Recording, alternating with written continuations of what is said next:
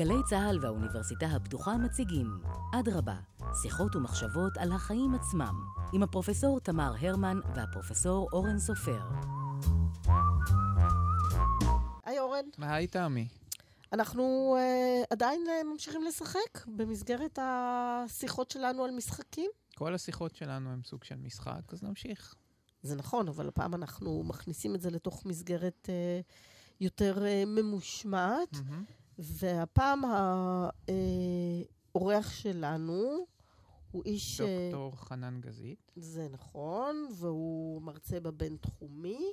דוקטור לגיימינג, אתה תסביר לנו תכף, מראשוני חוקרי משחקי הוידאו בישראל. אתה גם משמש כראש המרכז הישראלי של איגוד חוקרי המשחקים, יש איגוד כזה? Mm, זה בהסתדרות? שלום, שלום. זה חלק מההסתדרות? הסתדרות של החוקרים, אכן כן.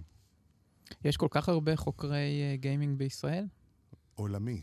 אה, עולמי. DiGRA זה Digital Games Research Association, זה ארגון בינלאומי. כן. הכנס הבא יהיה בטוקיו, 2019, באוגוסט, שנה לפני אולימפיאדה, אפרופו מממ-הממ. משחקים. ויש אה, מאות חוקרים בעולם. בתחום הזה שחוקרים את הגיימינג. אתה יכול להסביר לנו קודם מה זה גיימינג? מה זה דוקטור למשחקים? מה זה גיימינג באמת? כן, שלום שלום ובוקר טוב. אני בדיוק הכנתי פה, אנחנו באולפן, אתם יכולים להחליט מה נכון. לבחור. אתם רוצים לבחור בדמות של אה, נתחיל עם פוקימון גו, נתחיל עם סוניק או נתחיל עם דדפול? מה בא לכם להתחיל קודם? אז אכן הדוקטור הביא איתו אה, בובות, אה, שזה הפתעה ומשחק.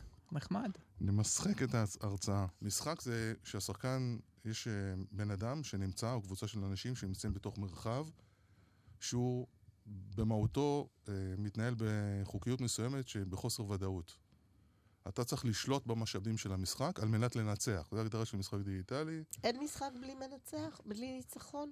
יש. אם את קוראת לזה פליי, אם את קוראת לזה גיים, זה משחק עם מטרה לניצחון okay. אוקיי. ותחרות. אם את uh, אומרת, אני עכשיו סתם אאסוף לי דברים חמודים ונחמדים, או אני ארכיב פאזל, אז זה פליי. בעברית יש לנו מילה אחת. למרות שתמיד בפאזלים... תמיד בפאזלים שמים לך בדיגיטל, שמים לך את הזמן שעובר. נכון. ואז אתה כבר לא עושה בניחותא את נכון. ההרים המושלגים יופי, של שווייץ. יופי, זה מנגנון משחקי של זמן עובר, או count down שנקרא, זה מנגנון, אחד מהמנגנונים של משחקים, אבל תמיד לפאזל יש תוצאה אחת. התמונה בסוף. נכון, ובגיימינג את לא יודעת מה תהיה התוצאה. כשאת תהיי בגיימינג, במשחק, שתהיי master במשחק, שזה מה שאנשים רוצים, להיות, כן, להיות הכי טוב, לנצח, להוביל, לעלות בשלבים. ונקרא לזה להיות master במשחק, רק אז את תגלי את החוקים. זה כמו לפצח את המטריקס. מה, במה שונה משחוק ל, ממשחק בעצם? כן, אז אה, משחוק, אה, למעשה, אם אה, אנחנו מדברים על הגדרה פורמלית, זה שילוב של מנגנוני משחקים ו mindset משחקי בכל דבר שהוא לא משחק, במטרה להניע אותך לפעולה, בהנאה, לעודד את ה engagement שלך, שלך, את הנאמנות, לשנות הרגלים לטובה, וגם לפעמים לסייע בבעיות גדולות של האנושות. זו הגדרה הפורמלית של אה, גמיפיקציה. סבסטיאן דטרדינג הגדיר את זה ב-2011. ואיך זה וה... מתבטא ביומיום? זה יכול להתבטא בדברים אה, דיגיטליים, אבל יכול להתבטא גם בדברים לא דיגיטליים. למשל, אוקיי. אחת הבעיות הגדולות בלונדון מממ-הממ. היא בדלי הסיגריות. Mm-hmm. והמסטיקים. זאת אומרת, אה, זה נשמע לנו די מצחיק וטריוויאלי ש... את מי מעניין אם אני עכשיו עישנתי וזרקתי את הבדל סיגריה. אז בסינגפור אתה תקבל קנס מאוד גדול, לכן הרחובות שבו okay. תיקים, אבל בלונדון זה, זה חתיכת בעיה, שעולה המון המון כסף. אז למשל, לקחו את הסיפור הזה והחליטו על ballot box, זאת אומרת, תיבות, חצי שקופות, שאומרים לך, בוא תצביע עכשיו, איזה שחקן אתה אוהב יותר, מסי או רונלדו, או בסוף שבוע הזה, במשחק של הכדורגל, כי המון אנשים אוהבים כדורגל, שמים את זה על הגדרות, תיבות שקופות, האם ארסנל תנצח או צ'לסי, נניח במשחק ביניהם. Mm-hmm. תצביע למי שאתה אוהד עם הבדל סיגריה, אתה רואה את זה שקוף, ואז הם גילו ש-20-30 אחוז מהבעיה של, ה... של ניקיון הרחובות אה, לא היו צריכים, לא היו צריכים יותר, כי האנשים הצביעו בדבר נורא פשוט. אז בעצם אתה אומר, אוקיי, בוא ניקח משהו שהוא לא דיגיטלי למעשה, אפשר, ניתן לך אפשרות בחירה, mm-hmm. אתה בוחר במי שאתה אוהב, אז זה גם נראה, זה, זה, אתה בעצם, זה מנגנון משחקי, אתה כאילו רואה כמה אנשים הצביעו לפניך בארסנל, ואתה אומר, רגע, אני, יש לי שייכות לארסנל, אז אני רוצה, mm-hmm. או צ'לסי לצורך העניין, ופתרנו את הבעיה כמעט של הבדלי סיגריות, כי אנשים הכניסו את הבדלי סיגריות, אותו דבר עם המסטיקים, מסטיקים שמו גם, שמים על הגדרות, בלונדון יש גדרות נורא יפים, אתה שם, אתה מדביק את המסטיק על, אה, על לוח, והלוחות, וכשאתה מדביק את המסטיק על הלוח, אחרי, אחרי זמן מסוים, אתה רואה דמות uh, של בן אדם מוכר, אתה יכול להשתתף באיזושהי הגרלה. זאת אומרת, אתה מדביק את זה, וחסכנו פה. למעשה, למעשה, משחר ההיסטוריה אנחנו עשינו גמיפיקציה כזאת, כי ילדות שמשחקות בבובות, למעשה זה הכשרה כן, שלהן כן. לאימהות. נפלא, נכון. אה, ויניקוט, ויניקוט. ויניקוט. משחק ומציאות, המרחב הבטוח, שבו אתה יכול לנסות. בעצם אתה יוצר קשר, אתה עובד עם האובייקט, על האובייקט, ויוצר לעצמך מציאות שאתה מאפשר לעצמך באופן בטוח לנסות ולהתחבר. זאת אומרת, יש פה תהליך של. הכשרה לתפקודים יותר מתקדמים על ידי אה, משחוק של הדבר. בניית מגדל של קוביות נועד להסביר לך כן, זה- דברים זה- שישמשו נכון. אותך בעתיד. זאת נכון, אומרת, גם- אנחנו רק רואים איזה שימוש יותר מתוחכם או יותר אה, טכנולוגי לפעמים, באותה פרקטיקה של אה, משחוק כן, אה, זה- כדי אה, ל- לרכוש מיומנויות. בוא תספר לנו קצת, מה זה גיימינג? מה, מה בכלל התחום הזה ואיך נהיים דוקטורים בגיימינג? דוקטורים בגיימינג יש תואר אה, בחו"ל, בתחום הזה שלומדים Game Studies או Game Research. בארץ, לצערי, עדיין אין תחום ממש בזה, אבל אתה תמצא בכל מיני מקומות, מאחר שהתחום של, נקרא לזה משחקים דיגיטליים, גיימינג, משחקי וידאו, כל כך נפוץ וכל נרחב, נרחב, אז אתה תוכל למצוא אה, אנשים שעוסקים במחקר של הגיימינג, אם זה השפעות על המוח, ואם זה השפעות על החברה, ואם זה השפעות על התרבות. עדיין בארץ אין תואר רשמי בזה. התואר שלי היה בעצם בחינוך, ב-virtual reality learning, מהמם. באינטראקציות למידה, ומשם ההמשך היה מאוד מאוד טבעי לחקור דינמיקה של התנהגות של אה, גיימרים במשחקים דיגיטליים. אז מה אתה בעצם מלמד? ו... איך קוראים ומבוגרים. לשיעורים שלך? בדיוק, איך קוראים לשיעורים? זה מעניין, כי אני מלמד בשני, במספר מקומות. אה, בבינתחומי, אנחנו, זה קורס שנקרא, כשגיימינג, תרבות ותקשורת נפגשים. אה, קורס לתואר שני. אה, בתל אביב אה, לימדתי בתואר ראשון, ובאפק אני מלמד פיתוח משחקים, אפליקציות משחקים, אז פיתוח משחקים אנחנו מבינים מה זה. כן. יש מהנדסים שצריכים לפתח את המשחק, שהוא בסופו של דבר סוג של product אה, כלכלי. מה, מה לומדים בשיעורים שהם יותר בתחום מדעי החברה בהיבט הזה?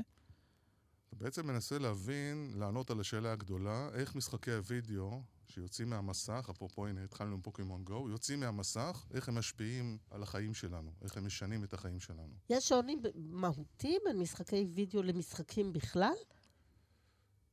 משחק, למה זה תחום, אה, במה- כל- במה שונה קלאס מ... או רמי קוב? מ... כן, שאלה מצוינת. אה, בהרבה מקרים את תמצאי משחקים רגילים שיש להם גם אה, היבט אה, דיגיטלי. עכשיו, משחק באופיו הוא מקום בטוח, מקום שאפשר לנסות כל מיני דברים. אנחנו מדברים על לודו, כן? לודו, לודולוגיה. לודו זה האדם המשחק, והסיפור של ה digital שנכנס בעשור האחרון שינה את כל המדיום הזה לחלוטין. אז יכול להגיד, מה ההבדל בין מחבואים בעולם האמיתי ששיחקנו, אש לילה ששיחקנו בצופים, לבין משחק אה, פורטנייט. יש הבדל עצום, כי גם בפורטנייט למעשה, זה כאילו כמעט אותו דבר, את נלחמת באחרים, צריכה לתפוס את הד... כאילו, לנצח את האחרים, וגם אולי במשחקים ששיחקנו באש לילה פעם, זה אותו דבר, אבל זה הבדל עצום. אתה רוצה ללמוד שפה שנייה? תלמד עם דואולינגו. דואולינגו זה אפליקציה הממושחקת הכי, הכי טובה, ואז אה, כשאבא בא לקחת אותי, הוא משתמש בווייז. ווייז זה אפליקציית המשחוק, הגימיפיקציה הכי מצליחה בעולם, שחיברה בין חוכמת ההמונים לבין הגיימינג. למה בעצם, היא- מה, מה היסוד המשחקי בה? בדיוק. היסוד אני- המשחקי בה אה, היה לא היום, היום זה כבר פחות, אבל תבין מה נותנים לך שם. הנה, יש לנו פה כל מיני דמויות כאלה. נותנים לך איזשהו דמות אבטאר שאתה כאילו משחק. אני פשוט מחזיק את דדפול מהמם. ביד, מי שלא קולט. הבאתי פה תמונות של פופ, נכון? כאילו, אז זה ככה, דדפול וסוניק ו... אז כאילו, תחשוב שיש לך אבטאר כזה חמוד, שאתה מתחיל בתור תינוק, ואז לאט לאט האבטאר שלך במשחק, ככל שאתה נוהג יותר, מסמן יותר את הדרכים. כי אם היו נהגים לא היו מסמנים את הדרכים, זאת הייתה הבעיה בהתחלה, שאנשים לא סימנו את הדרכים. זה חוכמת ההמונים הרי. אני תמיד נשארתי תינוק, לדעתי. אני אף אני פעם עכשיו לא. לא, לא כן, התפתחתי ב... אני לא יודעת מה האבטאר שלי וכן. בווייז. אחת הבעיות שלהם הייתה איך לשכנע את האנשים להתחיל למפות את הכביש, את הכבישים. ואם נניח עכשיו אה, בנו לידינו בשכונה, ועכשיו שמו עצור, במקום היה דו-סטרי ועכשיו עצור או, אין- או ללא מוצא, מה עושים? מישהו צריך לתקן את זה. אז בחברה של ווייז שנמכרה לגוגל, שלנו, כן, גאווה ישראלית, מהמם. האפליקציה הכי משחקית נמכרה למעלה ממיליארד דולר, זה נחשב משחק ווייז? זה גימיפיקציה, זה לא משחק, כי את רוצה אה, להגיע למקום, אה, אה, לשפר את התנועה שלך בדרכים. להימנע מפקקים, כן, לא משנה שיש על זה ביקורת, אבל להימנע מפקקים, לעשות את הנהיגה יותר חכמה. הוא מעביר אותך את הפקק שלך ממקום אחד למקום אחר. בסדר, אבל גם זה הבעיות של המערכת, כן. אבל עדיין הרעיון הוא ענק, אתה אומר, בוא ניקח את חוכמת ההמונים והגמיפיקציה, נניע את האנשים לפעולה, להשתמש בצורה נכונה יותר, ואז הם ימפו גם את, הדרכים, ואז הייתה להם בעיה, אנשים לא מיפו את הדרכים. ואז אמרו, בוא נעשה דבר נורא פשוט. אחד המייסדים, אחת מהחברות של המשקיעים, כן, ובוונצ'רס, אמר, בוא ניתן לאנשים נקודות. על כל פעם שהם עושים קילומטר, ניתן, כמו פקמן שאוכל את, ה, את הדברים במשחק, מהמם. אותו רעיון. אם הוא מתמיד בזה במהלך היומיים שלושה וחוזר לזה בעוד שבועיים, נעשה לו כפל נקודות, נעשה לו בוסט של נקודות. זה גימיפיקציה, ממש ככה. תגיד, זה בעצם, יש פה איזשהו יסוד של reward. כאילו, האדם בדיוק. אה, רוצה שיהיה לו איזשהו תגמור. עכשיו, אני מסתכל על הבן שלי, שהוא בן שש. כן? אה, את כל הזמן החופשי שלו מבחינתו הוא יעביר אה, בטלפון. ואחד הדברים שהוא עושה, הוא מסתכל על אנשים אחרים, לרוב ילדים או בני נוער, שמשחקים במשחקים שהוא אוהב. הוא לא משחק, מהמם. והוא לא צופה בסדרות אה, מהוקצעות שמישהו הפיק אותן, אלא הוא מסתכל בילדים אחרים שהם משחקים את המשחק, ש... מה זה נותן? זאת אומרת, אם, אם הוא משחק, אז אני מבין, זה סוג של אתגר, והוא בתוך הסיפור הזה, והוא מפסיד או מנצח, אבל להסתכל באנשים אחרים משחקים? זה פעולה, אחת הפעולות הכי טבעיות שלנו בתור בני אדם, לומדים. התחום נקרא Vicarious Learning, למידה מצפייה באחרים. אנחנו יודעים שגם שימפנזות עושות את זה, גם חיות אה, יונקים עושים את זה, דרך הדוגמה שאתה מסתכל על מישהו אחר, אז אתה לומד את הרגלי הישרדות, ובהחלט זה למידה. זאת אומרת, הוא מפיק פה פעמיים. פעם אחת הוא נהנה ממישהו, תחשוב שאתה, אתה, הוא, משחק, הוא צופה במישהו אחר, ושנינו כרגע משחק, מסתכלים על ה-NBA וצופים במייקל ג'ורדן, או מהמם. במסי, או ב... לא יודע, שחקנים ככה מדהימים שמשחקים, ואנחנו...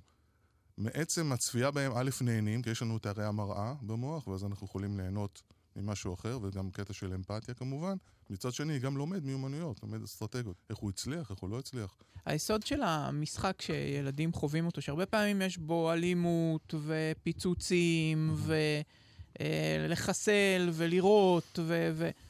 אני מניח שיש טענות, כמו שהיו ביחס לטלוויזיה אה, בשנות ה-60 וה-70, ועדיין מ, יש טענות כאלה גם היום, ש, שזה משפיע על ההתנהגות של הילדים, שזה הופך אותם ליותר אלימים, ליותר אגרסיביים. אה, זה...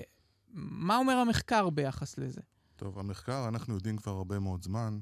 אמ, בואו נתחיל, בוא נתחיל דווקא, אפשר לדבר על פורטנייט, הטוב, הרע והמכוער, כי פורטנייט זה בעצם המשחק שהוא נחשב המשחק הכי אה, מצליח בשנה האחרונה. מושך הרבה מאוד אנשים, הרבה מאוד ילדים ובני נוער. אסבר לכם סתם את האוזן מבחינת נתונים, אמ, 200, למעלה מ-200 מיליון שחקנים, 3 מיליארד דולר רווחים. הורי ישראל שילמו או השקיעו בילדים שלהם בחופש הגדול 80 מיליון ש"ח. תחשבו על החוג הכי טוב.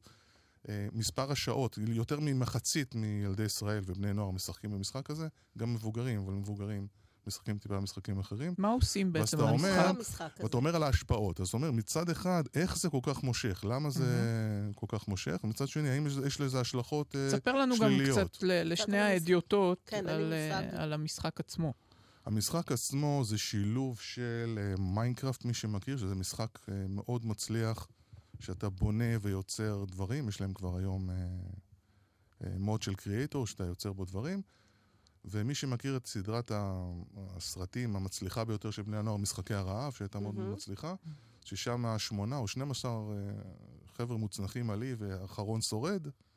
אה, במשחקי הרעב, אתה, זה סטייל של משחקי הרעב, 100 נגד 1, האחרון מנצח, אתה מוצנח לאי, בלי שום דבר, ואתה צריך לאסוף דברים ולהרוג גם אנשים אחרים, וכל הזמן מצמצמים לך את השטח כדי שתצטרך אה, להתקדם ולהתקרב לאנשים אחרים. אתה לא יכול סתם להתחבא באיזשהו מקום, וזה ייגמר.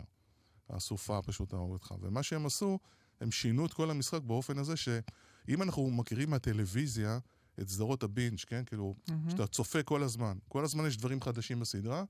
לעומת משחקים אחרים, כל שבוע יש משהו. כל שבוע יש משהו אחר. יש עונות, כמו בסדרות טלוויזיה, תחשבו מה זה, לא היה כזה משחק. אז, אז מה ההשפעה של זה? האם יש לזה השפעות? מה המחקר אומר בעצם על סוג כזה של האם זה מישהו? שסתום ביטחון לדחפים אלימים, או אם זה מעלה איזושהי תפיסת עולם של עולם מסוכן ו... קודם כל, אני חושב שילדים, כמו שאתה יכול לשאול, האם טלוויזיה, דברים אלימים, או מישהו יראה הצגת תיאטרון של אוטלו, יש שם המון אלימות, ובסדרות טלוויזיה בוודאי, אז ילדים כבר מגיל שמונה, זה אנחנו יודעים מהמחקר שעשינו, יכולים להבדיל בין מציאות לדמיון. שמונה, תשע. אבל משחק כמו פורטנייט מותר מגיל 12, אז מן הסתם יש איזו סיבה למה מותר מגיל 12, אנחנו יודעים שהמוח מאוד פלסטי. וברגע שאתה מפעיל עליו את כל המניפולציות, אנחנו מדברים עכשיו על גיימינג, כן? על הנדסת העושר של התכנות של המשחק, החוקים הנסתרים שבעצם גורמים לך לחזור ולשחק בו. ילדים צעירים, ברגע שמישהו אומר, אני רוצה את זה, אני רוצה את זה, והוא מקבל, ואז הוא מקבל אתגר עוד יותר קשה, והוא רוצה להמשיך לשחק, כן, זה כאילו קטע של השלבים, מתאימים לך את המשחק, אבל טיפה טיפה יותר קשה ממשחק, אה, מהשלב הקודם. אצל ילדים צעירים, הקטע הזה פוגע במקום במוח שנקרא איסולה, שזה מרכז שבעצם שמווסת בין הדחף שלי ולבין השליטה. אז ילדים צעירים מוצאים במחקרים, במשחקים שדומים לפורטנייט, שהחומר, החומר האפור במוח, אה, הכמות שלו קטנה. זה נורא מזכיר מה שקורה לאנשים שמכורים להרואין. עכשיו, אבל- לגבי האלימות. אה, אנחנו יודעים במחקר, אה, מקנמרה עשה בניו יורק, עקבו אחרי 100 מחקרים בעשור האחרון. בתרבות, בחברה, האלימות יורדת באופן כללי, אז היית מצפה שאם אנשים משחקים משחקים אלימים, האלימות תעלה, אז האלימות להפך יורדת, ואין, לא נמצא קשר בין אלימות, אין כאילו העברה של אלימות במשחקי מחשב או התנהגות אגרסיבית ואלימה במשחקים דיגיטליים לעולם האמיתי, זה אנחנו יודעים, זה אז תן לי קצת טוב. המון טוב, הרוב זה טוב. אז אה, משחקים אה, אה, דיגיטליים, אה, ולכן גם המשחוק, כל המטרה של המשחוק היא לתת לאנשים דרך לשפר את עצמם. אוקיי? דרך להיות, אה, נקרא לזה, להגיע ל mastery, לשפר מיומנויות, אה, ללמוד טוב יותר, לשנות התנהגות לטובה, זה הגימיפיקציה. והגיימינג עצמו, אנחנו יודעים שהוא, המחקר שאני עשיתי, שהוא ערך uh, שלוש שנים בקרב ילדים ובני נוער, עקפתי מה ילדים עושים מאחורי הדלת הסגורה. בבית, שזה בדרך כלל אה, לא פשוט אה, לחקור, קיבלתי אישור מההורים. ומה שאנחנו יודעים, שילד למשל בן עשר, היום החבר'ה האלה כבר בצבא, בתפקידים אה, בכירים, הם בתפקידים טובים, זאת אומרת, הם בני 18, 19, 20. אה, ילדים האלה הם ממש כמו מנהלים של חברה. זאת אומרת, מפתחים כישורי מנהיגות, כישורי שיתופי פעולה, לומדים את השפה, שפה אנגלית כמובן, אה, פתרון בעיות, יצירתיות, כל הדברים שאנחנו רוצים לפתח אצל האדם במאה ה-21, מתפתחים, כן, כל הדברים האלה שאנחנו רוצים לפתח את האדם במאה ה-21, מתפתחים מעצם זה שאתה בתוך המשחק ואתה מפתח את היכולות האלה, להם אני קורא ה mindset המשחקי, יש להם עליהם 20 תכונות כאלה של... שמאפשרים לך להיות יצירתי יותר, אתה מתמיד במה שאתה עושה. מבחינתך כישלון הוא, אה, הוא הצלחה, אתה מקבל את הכישלון כחלק מהתהליך. העולם בעצם, אפשר להגיד, עומד על חמישה מ"מים. נעזוב את הדברים הבסיסיים, שזה גם מ"ם, זה גם מזון, מין ו... לא, כאילו, זה יש, יש חמישה מ"מים שעליהם עומד העולם. מה לעשות? מלחמות, מסעות, אנחנו חוקרים, משחקים, מסחר ומספרי סיפורים. על זה עומד העולם. עכשיו, בכל זה הגימיפיקציה או המשחוק והגיימינג גם נכנס, כי למעשה ההבדל הגדול בין משחק אה, רגיל שדיברנו עליו, נניח בעולם האמיתי, לבין העולם הדיגיטלי, הוא האג'נסי, רמת ה... העובדה שאתה נכנס למשחק ואתה יכול לעשות הכל. אתה יכול להיות כל דבר ולעשות כל דבר. אין את זה בעולם האמיתי. יש לנו מצב שאני יכול למשל להחליף זהויות. לבחור להיות באיזה זהות שאני רוצה. זה משהו שלא קיים בו, כמעט בעולם האמיתי, ומאוד מאוד חזק בעולם הווירטואלי. המשחקיות תלויה בסוג של אה, תגובה, נכון? או סוג של קבלת... אה, אינטראקציה. תסביר לנו קצת איך זה עובד. זאת אומרת, זה לולאת המשחוק? כן, יש את לולאת המשחוק, שהיא מורכבת מזה שיש אה, יש לי איזשהו משימה, אתגר נורא ברור. דבר שני, אתה מיד רואה את המשוב. זה מעודד אותך לפעולה הבאה. זאת אומרת, נותן לך איזשהו פידבק, משוב. יש את זה בהמון המון תחומים. אנחנו... מי שככה מסתכל על זה טיפה יכול לראות. אה, פייסבוק, אני לא יודע אם אתם מכירים, יש בדג' כזה, עיטורים כאלה קטנים. אם יצרת שיחה בתור קבוצה, פתאום קיבלת עיטור כזה קטן ליד השם שלך. שמתם לב לזה? לא. גם את זה פספסתי, יחד עם הדמות של, האבטר אה, שלי אה, בווייז. אוקיי. כתבת בלוג, וורדפרס למשל, כתבת בלוג, ייתנו לך עיטור, ייתנו לך פתאום משוב מיידי. וואו, הבלוג שלך עכשיו זכה לחשיפה של מעבר ל... אלפיים אה, צופים ביחס לש, לשבוע שעבר, יופי, תמשיך ככה. אז איך זה בעצם משנה את הסביבה שלנו, ה- היכולת ה- של ה-reward הזה? אה, זה בעצם, אתה נגעת בלב של העניין של המשחוק, המעגל המשוב, לולת המשוב הזה. זה משנה כמעט כל מה שאנחנו מכירים, ומניע אותנו לפעולה בהנאה, כי אנחנו רוצים להיות... זה לא בהכרח חייב להיות אה, משחק אה, תחרותי או game, זה גם מהמם. יכול להיות play, playful. מהמם. אז יש gameful ו playful, ומשחקים על זה. ואת כל האפליקציות הכי מצליחות בעולם, סנאפצ'אט, פייסבוק, אה, אינסטגרם, הן כולן מנסות שתהיה בפנים כמה שיותר זמן, ונותנות לך את המשוב הזה המיידי. זאת אומרת, יכול להיות גם playful כזה, שתשחק עם הדמות שלך, תשים דברים, דברים קופצים, דברים אה, משחקים, ואתה מיד רואה את זה. זאת אומרת, איזה יופי, אני רוצה לעשות את זה שוב. קיבלת משוב, התחברת. אני אשאל אותך שאלה לסיום, אתה משחק? כן, אני מעלה את הגיל הממוצע של הגיימרים, אז אני כן, אני גיימר. היה יפה. מאוד מעניין, נפתח, נכון. לפחות בפניי נפתח אה, עולם אה, חדש. אני הייתי, אני עדיין תקועה בשלב הטטריס, את כי ב- שם אפשר. שם אפשר לשח, לסדר את הדברים ואת הכריות הספה, ואף אחד לא מעיף לך אותם. אז אני יכול לגלות עכשיו, מה שנקרא, הרמתי להנחתה, כי טטריס אנחנו יודעים, א', הוא מפחית חרדה במצבי חוסר ודאות, ושנית, הוא משמש כמו, אה, אה, משפר לנו את התפיסה, את התפיסה החזותית, וזה ידוע, יש את האפקט הטטריס, זה אפקט שהוא בריאותי לגמרי. אז אנחנו כמו האייקון שלנו בווייז, הולכים וגדלים ומתבגרים ולומדים דברים חדשים. תודה רבה, דוקטור חנן גזית. תודה רבה, תמי. תודה, אורן. לכם. מאוד נהנינו לשחק איתך. תודה לכם, גיים און. ביי ביי. אדרבה, מגישים הפרופסור תמר הרמן והפרופסור אורן סופר, האוניברסיטה הפתוחה. עורכת נוגה קליין, מפיקות ליאור ארליך ודנה חיות שני. תודה למאיה להט קרמן ולאביה גל.